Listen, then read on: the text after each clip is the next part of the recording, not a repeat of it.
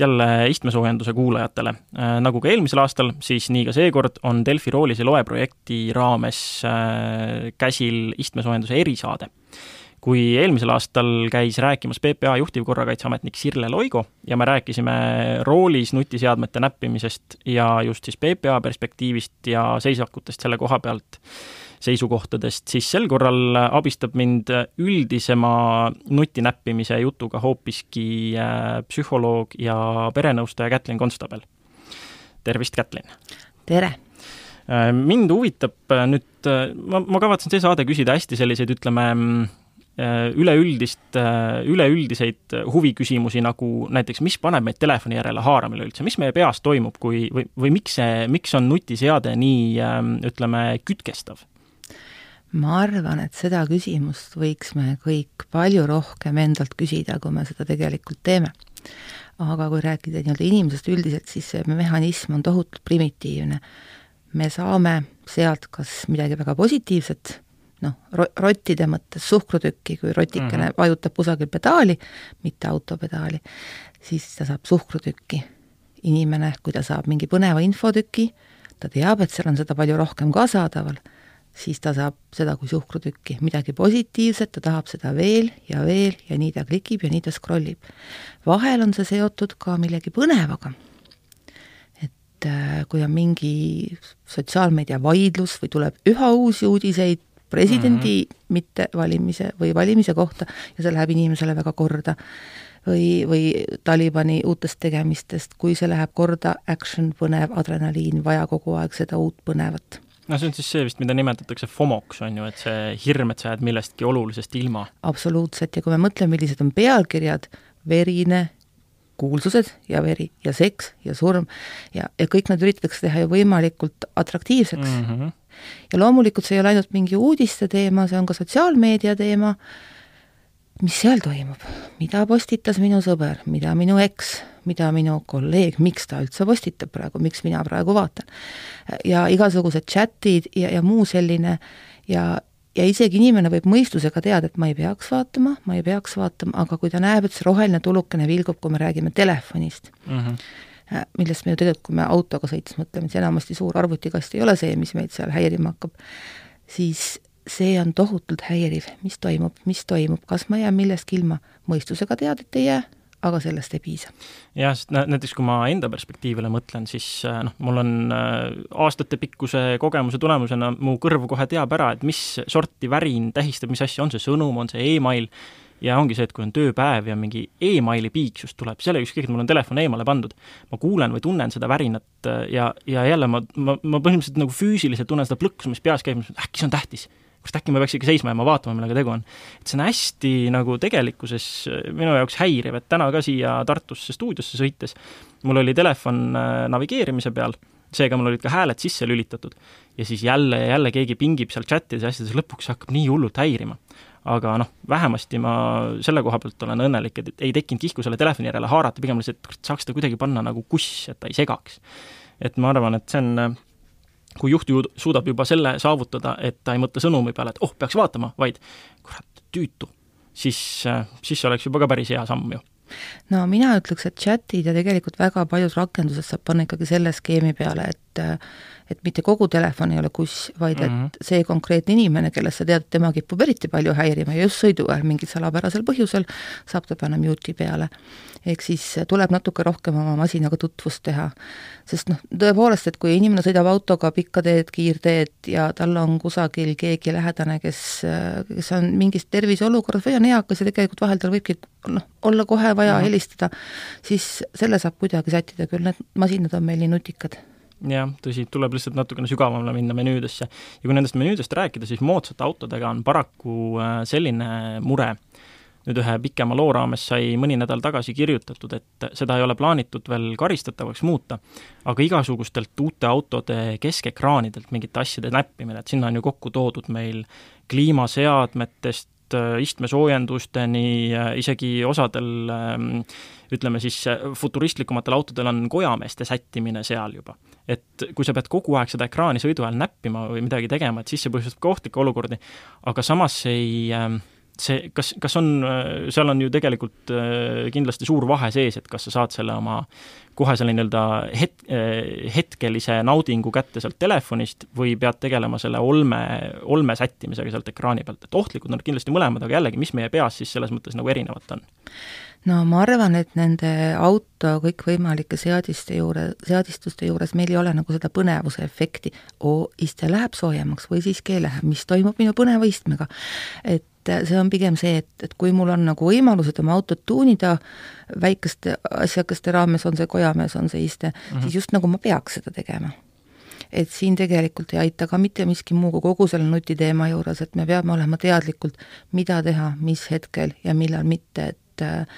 et noh, ühtepidi võib öelda, et muudame karistatavaks, aga, aga miks siis ometigi autodel need vidinad kõik küljes on, eks ole, et siis tekib väga, väga keerulisi olukordi, et mida ma siis üldse võin näppida ja mida ei või.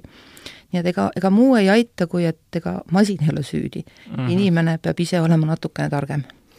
aga nüüd noh, ma olen kasutanud siin terminit nutisõltuvus muidugi, aga mis hetkest peaks inimene näiteks muretsema, et tal on see asi läinud ohtlikuks või ütleme, et, et see on juba ohtlik kasutus, mis võib viia sõltuvuseni? no sõltuvusel on väga selged kriteeriumid, mis on nagu ühised nii alkoholsõltuvusel, narkosõltuvusel kui ka nutisõltuvusel, ehk siis äh, mul on tunne, et ma ilma üldse ei saa mm, -hmm. pean kogu aeg, unustan kõik muu asja ära, ei maga, ei söö, ei taha teha tööd, äh, kõik muu on tähtsusetu, ähm, tarvitatakse ainult ainet, kui me mhm. kasutame mm -hmm. seda, seda väljendit, teine asi on, et hakkab tekkima nii-öelda tolerantsus, et hea oleks olla, mul on vaja järjest rohkem tarbida, või mul on vaja järjest rohkem paremat telefoni ja siin me ei räägi sellest, et kui mul on noh, ma ei tea,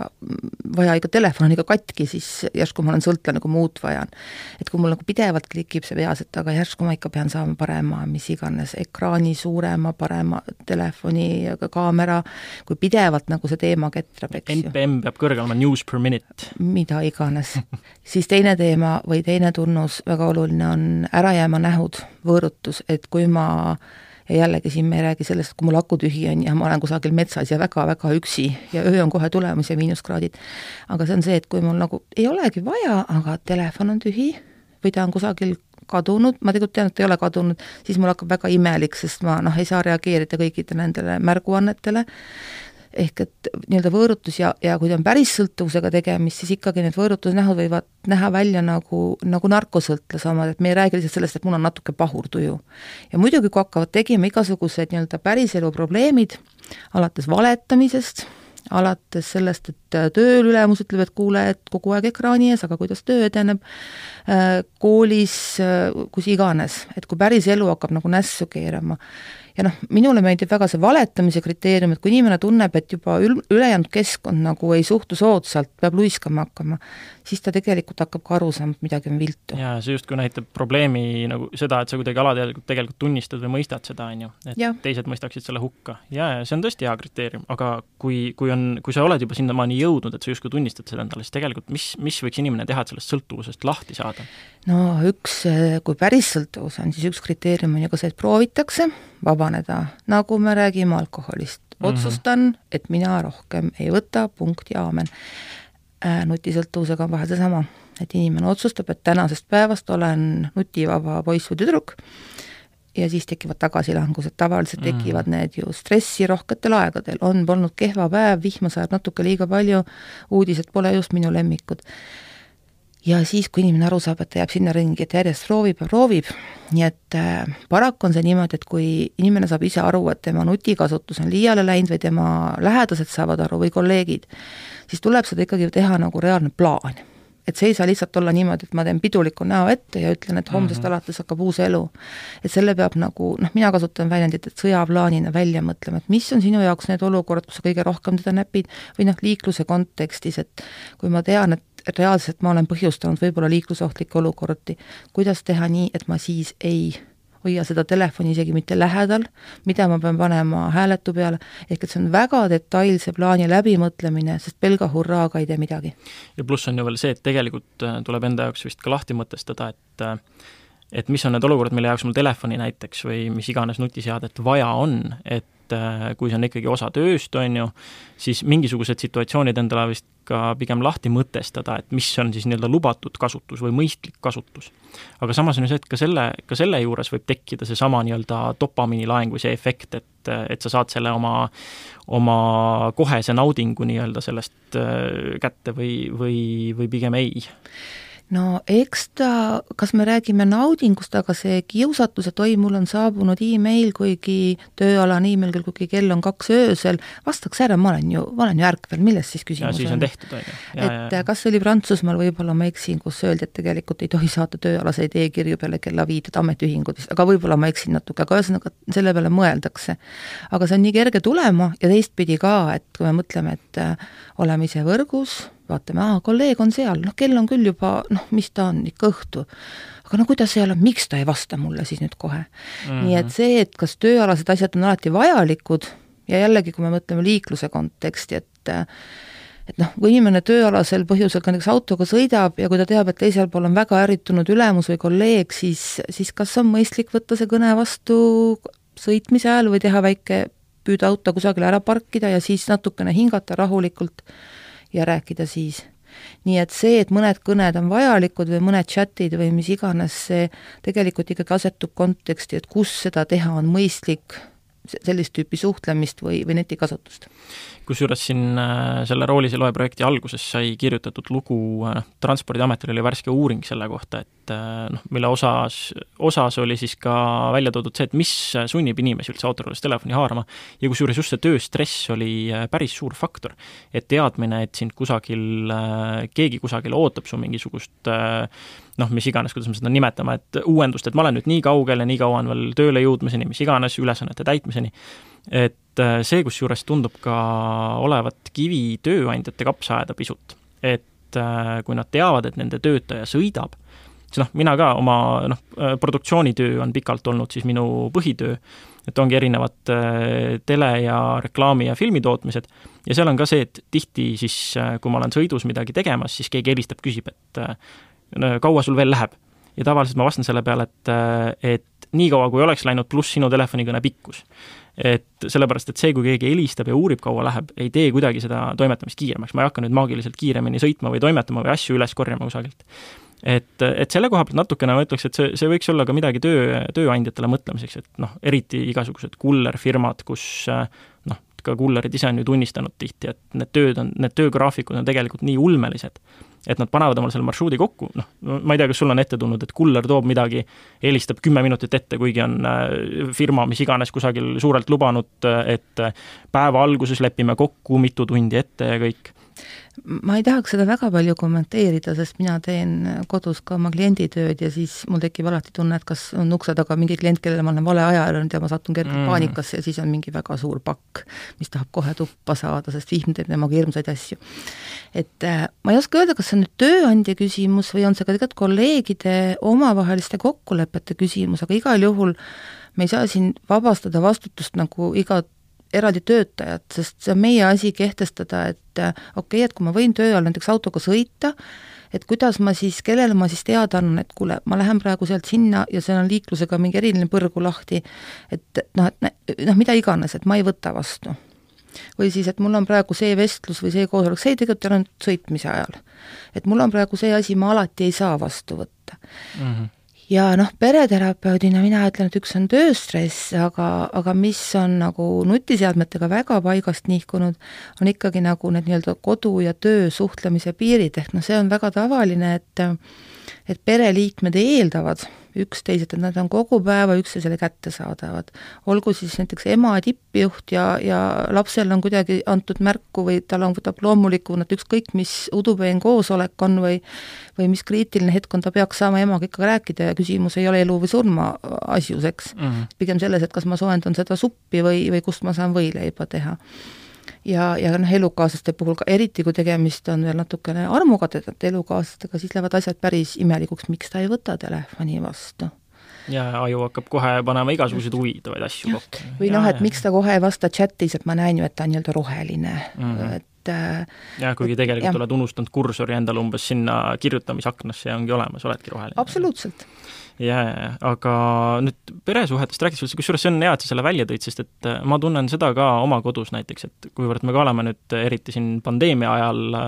elukaaslasega kodus töötanud, ja tihti jätame ka siis kuueaastast mul kasupoega koju siis äh, temaga on kohe tuntavalt see, et noh, mul on, ma tunnistan ka, mul on kombeks see, et ma teen arvutis oma mingeid tööasju ära, aga telefon on ikka lähedal, töökirjadele ma ikka vastan ka töövälisel ajal ja seda on äh, näha, kuidas äh, laps muutub tuntavalt ja nähtavalt pahuraks, kui on justkui juba õhtune selline nii-öelda vabam aeg ja siis mina jälle telefoni kätte võtan. et ma eeldan, et see on äh, praeguseks suhteliselt levinud probleem, on sul oma praktikast äh, mingeid näiteid selle kohta tuua, et kuidas pered seda, seda lahendavad? no see on väga klassikaline probleem, et tegelikult see ei ole mingi Eesti teema, see on ju rahvusvaheline teema, et mitte vanemad ei ole enam mures ainult laste pärast, vaid lapsed julgevad üha rohkem välja öelda ka uuringutes, et nende meelest vanemad kasutavad nutiseadmeid liiga palju, nendele loevad moraali aga ise on noh, isegi kui selline välja, et õhtusöögi ajal lapsele käratatakse, et sina ei tohi, või näiteks pere läheb pidulikult restorani õhtul mm, -hmm et lapsele öeldakse, sina pead käituma siin nüüd viisakalt ja ei mängi midagi oma, oma mummutapu mängu seal, aga siis vanemad selle asemel, et armsasti üksteist silma vaadata ja rääkida igasugu vahvaid jutte, on kumbki ikka nagu kõõritab vahepeal. nii et et noh, mina väga soovitan ja, ja seda jällegi ka rahvusvahelised äh, kolleegid ja uurijad soovitavad, et tegelikult on väga kasulik asi peres kokku leppida mingid reeglid.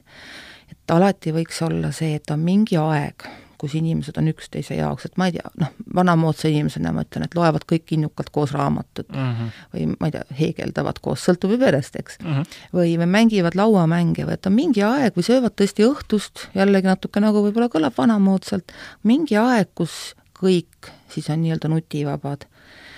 et ähm, mis on kõige nukram, on see, et kui noh, pidevalt ongi niisugune pooliku tähelepanu seisund, et, et justkui ma olen pereringis ja on nagu mõnus õhtu, näiteks õhtu või nädalavahetus mm, -hmm. aga tegelikult mul aju ikka klikib või mõtleb kogu aeg pooleldi, et mis mul seal töörindel toimub või mismoodi vaidlevad mu miljon, miljon sotsiaalmeediasõpra. et see on nagu hästi poolikuks jääb elu mm. -hmm täiesti nõus, olen ise ka paraku seda kogenud ja üritanud astuda samme selle parandamiseks. Äh, kusjuures lastest rääkides ähm, näiteks, mis Transpordiameti, äh, Transpordiameti inimesed välja tõid, nemad ju teevad igasuguseid koolitusi maast madalast juba lastele ja siis läbi kooli kuni, äh, kuni keska lõpuni välja. ja üks asi, mis väga hästi töötab, ongi see, kui näiteks sul on tagaistmel turvatoolis lasteaialaps, kes sulle ütleb, et kuule, pane telefon ära, ei vaata praegu, kaks kätt roolil, mis iganes, et noh, seal äh, Transpordiameti poolelt ka üks äh, naisterahvas tõi väga armsa näite, et ongi, et tal on, ta on ühe korra oma lapsele öelnud, et äh, et sõites peavad kaks kätt roolil olema, välja arvatud siis, kui sa käiku vahetad. ja nüüd laps jälgibki väga pingsalt seda ja iga kord siis ütlebki jälle, emme, kaks kätt roolile, kui midagi seal, midagi, käsi kuskile ära läheb. et selles mõttes, kas äh, kas see võiks olla ka mingisugune, ütleme, selline laste maast madalast kasvatamine, see, et nad, et nad ka märkavad seda situatsiooni, et neil oleks see sekkumisjulgus midagi öelda. kas see võib ka olla midagi, mis meid nagu mõjutab? See on selline kahe teraga mõõk natukene nagu jällegi pereterapeudi vaatevinklist, et on väga äge, kui laps julgeb öelda ja kui vanemad näiteks on ka väga selgelt öelnud, et kuule, et mul on selle nutiasjaga vahel natuke niru, et anna mulle märku, kui ma sinu meelest olen nagu, olen nagu liiga palju, et sul on õigus seda teha. et ma tean, et me kavandame sind, aga, aga võta sina ka see julgus. teistpidi kui me paneme selle igasuguste liigkasutamiste konteksti, et kas meile meeldib see kujutluspilt, kus lasteaialaps ütleb isile või emmele, et kuule, sa oled juba nii palju veini joonud, et ära rohkem joo. või, või õlut või lähevad mm, -hmm. saadame lapse kõrtsi järele, et kuule, issi, tule nüüd koju või või kuule, emme, tule nüüd koju. et ära pidutse enam nii palju, et tegelikult panna laps vastutama selle eest, kui täiskasvanutel on oma mingi, mingi harjumusega probleem, on nagu natuke küsitav et ma seda üldise vahendina nagu kindlasti ei soovitaks, et täiskasvanu ise ei saa oma impulsikontrolliga hakkama, siis noh, laps on see kodupolitseinik, et natuke suur vastutus. no ütleme see oli siis sellest, sellest vaatevinklist pigem, et, et laps äh, mitte ei tee seda pidevalt või tal ei ole kogu aeg seda vastutust, vaid ta mingi hetk lihtsalt, et see justkui toob nagu kahe jalaga maa peale, kui laps äkitselt märkab ja manitseb aga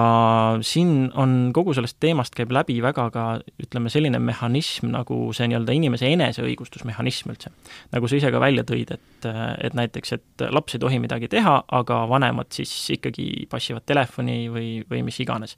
Et ähm, miks on nii, et me kipume teisi hukka mõistma ähm,, aga meie see enda eneseõigustusmehhanism on nii tugev, et mina ju oskan vaadata, millal on turvaline telefoni kasutada roolis või teised ei oska, aga aga siis, kui midagi juhtub, siis ma kohe näen ja päästan ikka ära ja noh, et, et mi-, miks see eneseõigustusmehhanism nii tugev on, kas sellel on mingisugune, ma ei tea, evolutsiooniline tagapõhi või eelis?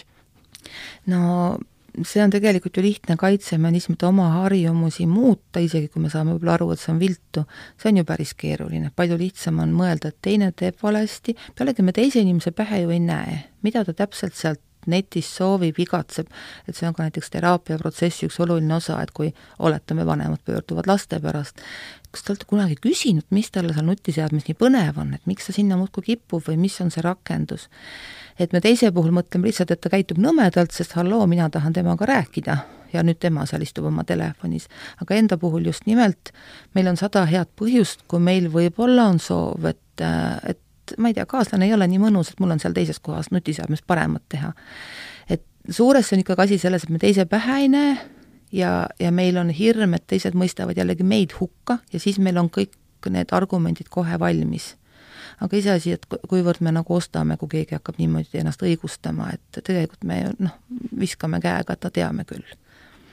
mm. -hmm. aga nüüd, kui mõelda sellele, mis noh, me oleme siin välja, sa oled juba välja toonud siin, et äh, näiteks perega olles võiks teha selle graafiku, on ju, leppida kokku mingid ajad, aga mis võiks üldse olla inimesele, kes, kes on juba, kes teab, et äh, noh, et tal on probleem, ütleme tegelikult neid, kes, neid, kes on süüdimatud, neid, ega neid väga ei päästagi, on ju. aga, aga need, kes juba on teadvustanud endale, et on probleem, mis, mis võiks need asendustegevused olla, kust nad saaksid samamoodi kätte selle ütleme, sellesama nii-öelda impulsi, selle mõnuimpulsi ajus, selle, selle, selle, mida nad muidu telefonist saavad, mis nad võiksid siis selle nutinäppimise asemel teha? No mina isegi ei oska päris seda asendustegevust soovitada, et noh, et kas sigareti asemel siis e-sigaret on parem, et kui me ikkagi räägime liikluskontekstist,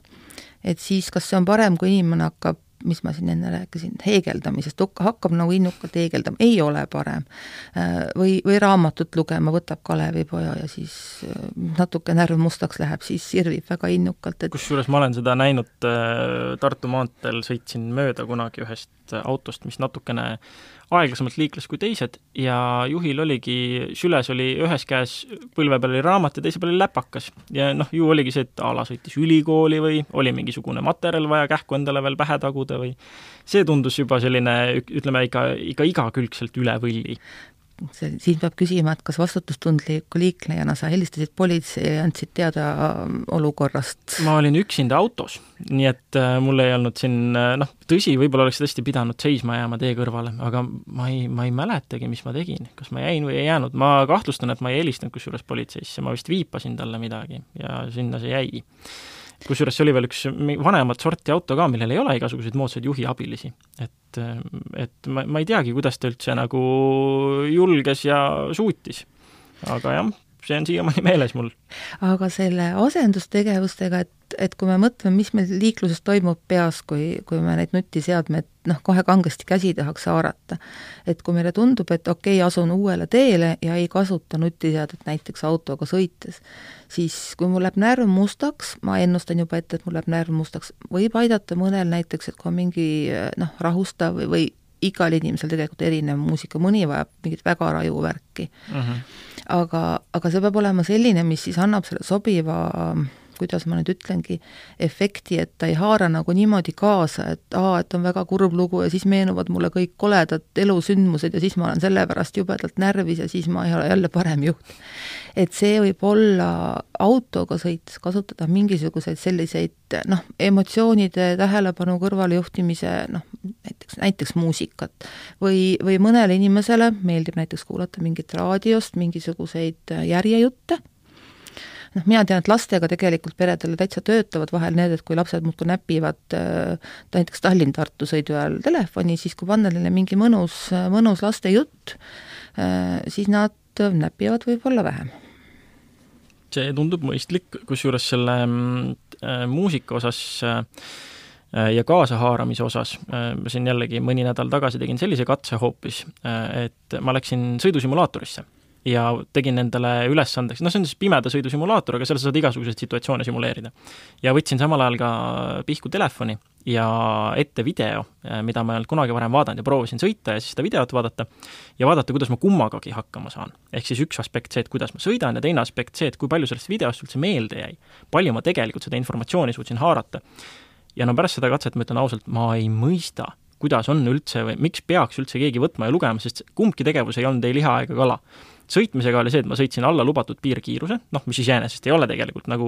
nii hull, kui võiks olla, aga suunda näidata ei saanud, seal oli äh, mitu äkkpidurdust, mis ma pidin tegema liiklusolukordade tõttu, ja kui ma pärast üritasin seda lühikest minutist videot meenutada, mida ma tegelikult ju noh, duublite jaoks ma vaatasin seda lõpuks ikkagi vist mingisugune kuus-seitse korda, siis kogu selle asja lõpuks mul ikkagi oli minimaalselt sellest videost meelde jäänud. mõned infokatked, mingeid arve, mingeid asju meelde jäänud, visuaali meelde ei jäänud, täiesti mõttetu tegevus et jah, seda tahtsid öelda? Äh, see on väga hea teema, millest tuleks tegelikult palju rohkem rääkida selle nutisõltuvuse kõrval, ehk siis äh, meil on väga tihti peas see arvamus, et me oleme rööprähklemises või multitasking us superhead. tegelikult ei ole me üldse head, et seda on uuritud ka enne nutiajastut, et kui on natukegi kognitiivset võimekust eeldav ülesanne, siis kui tuleb hüppelda eri tegevuste vahel, tegelikult meie aju ja tähelepanu ju hüplevad mm. -hmm. hüppan uuele tegevusele, kohanen, hüppan tagasi, pean jälle kohanema et isegi on uuringuid, mis, mis näitavad, et inimese nii-öelda efektiivsus võib olla kuni nelikümmend protsenti väiksem. et kui me mõtleme mitte ainult liiklusele, aga igapäevasele tööle, kus me vahendame, vahetame igasugu aknaid ja, ja tegevusi ja arvame, et me oleme nagu väga ägedad, pärast on tühi tunne, et mitte midagi ei saanud tehtud ja tuju on ka paha et suurepärane näide, et see nii-öelda mitme asja korraga tegemine, isegi väga headel juhtidel tegelikult äh, ei tööta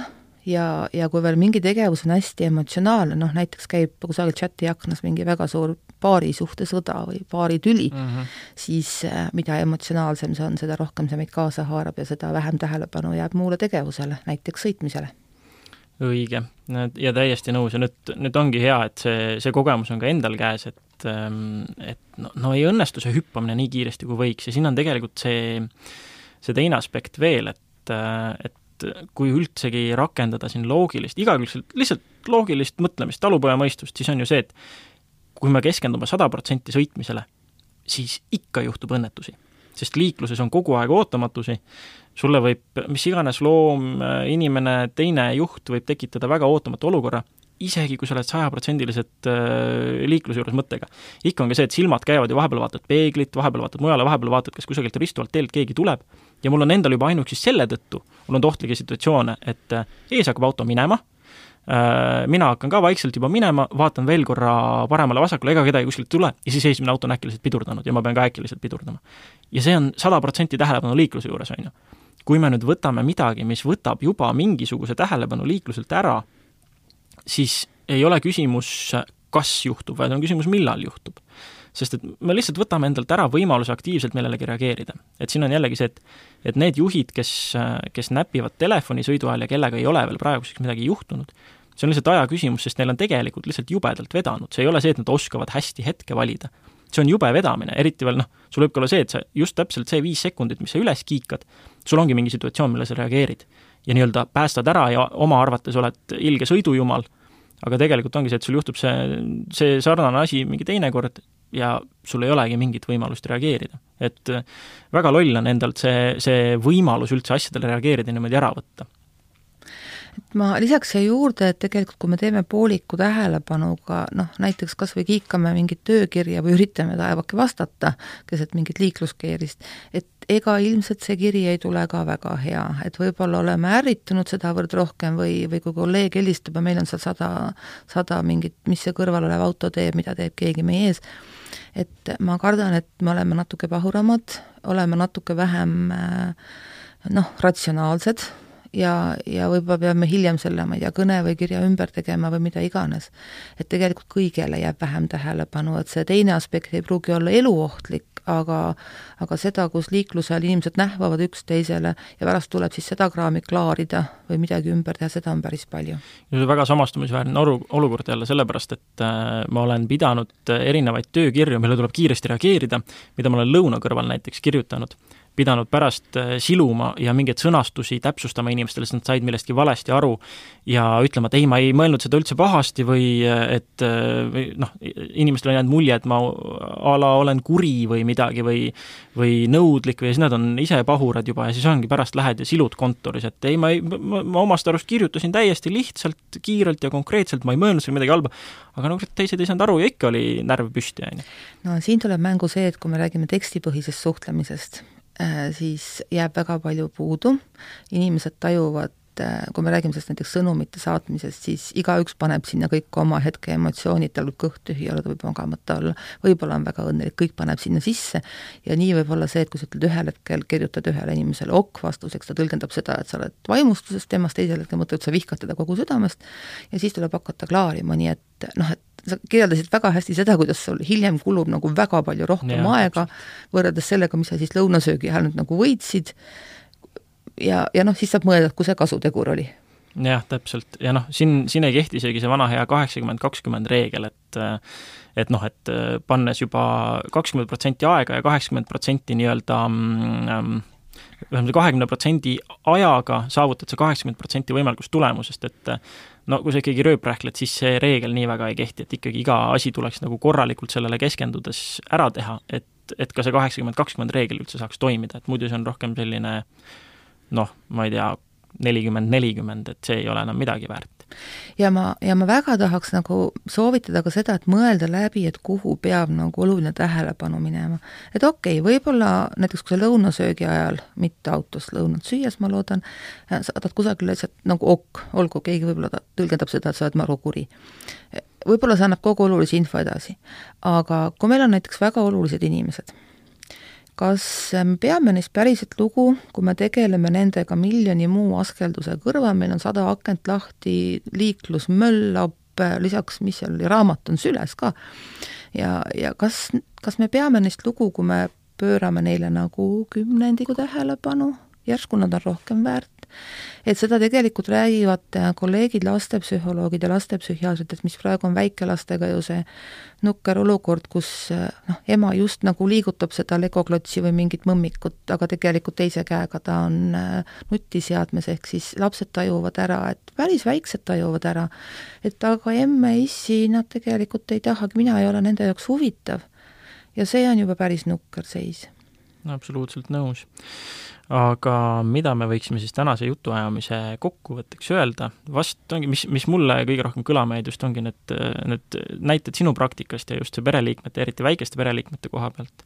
et tõesti, no ilmselgelt nad on rohkem aega väärt kui see, see lõhestatud tähelepanu. ja teine asi see, et, et probleemi, probleemi lahendamine ikkagi algab sellest, kui me seda endale tunnistame, on ju. et kui me juba tajume, et, et asi on tõesti nii kaugel, et teised mõistaksid äh, meid äh, selle kasutuse eest hukka, siis tegelikult äh, võiks, võiks tõesti kehtestada mingisugused nutivabad perioodid, nagu sa välja tõid. see, see oli väga hea, väga hea lahendus, ma arvan, et ma pean seda oma kodus ka kuidagi rakendama. see tundus, et see võiks täitsa toimida. no kas nüüd päris nutivabad, aga mingid ühtsed reeglid, ühtsed kokkulepped, mis näitab, et kõigil on see teema võrdselt oluline, mitte et pahandatakse ainult lapsega aitäh, Kätlin, ja tänud kuulajatele! aitäh!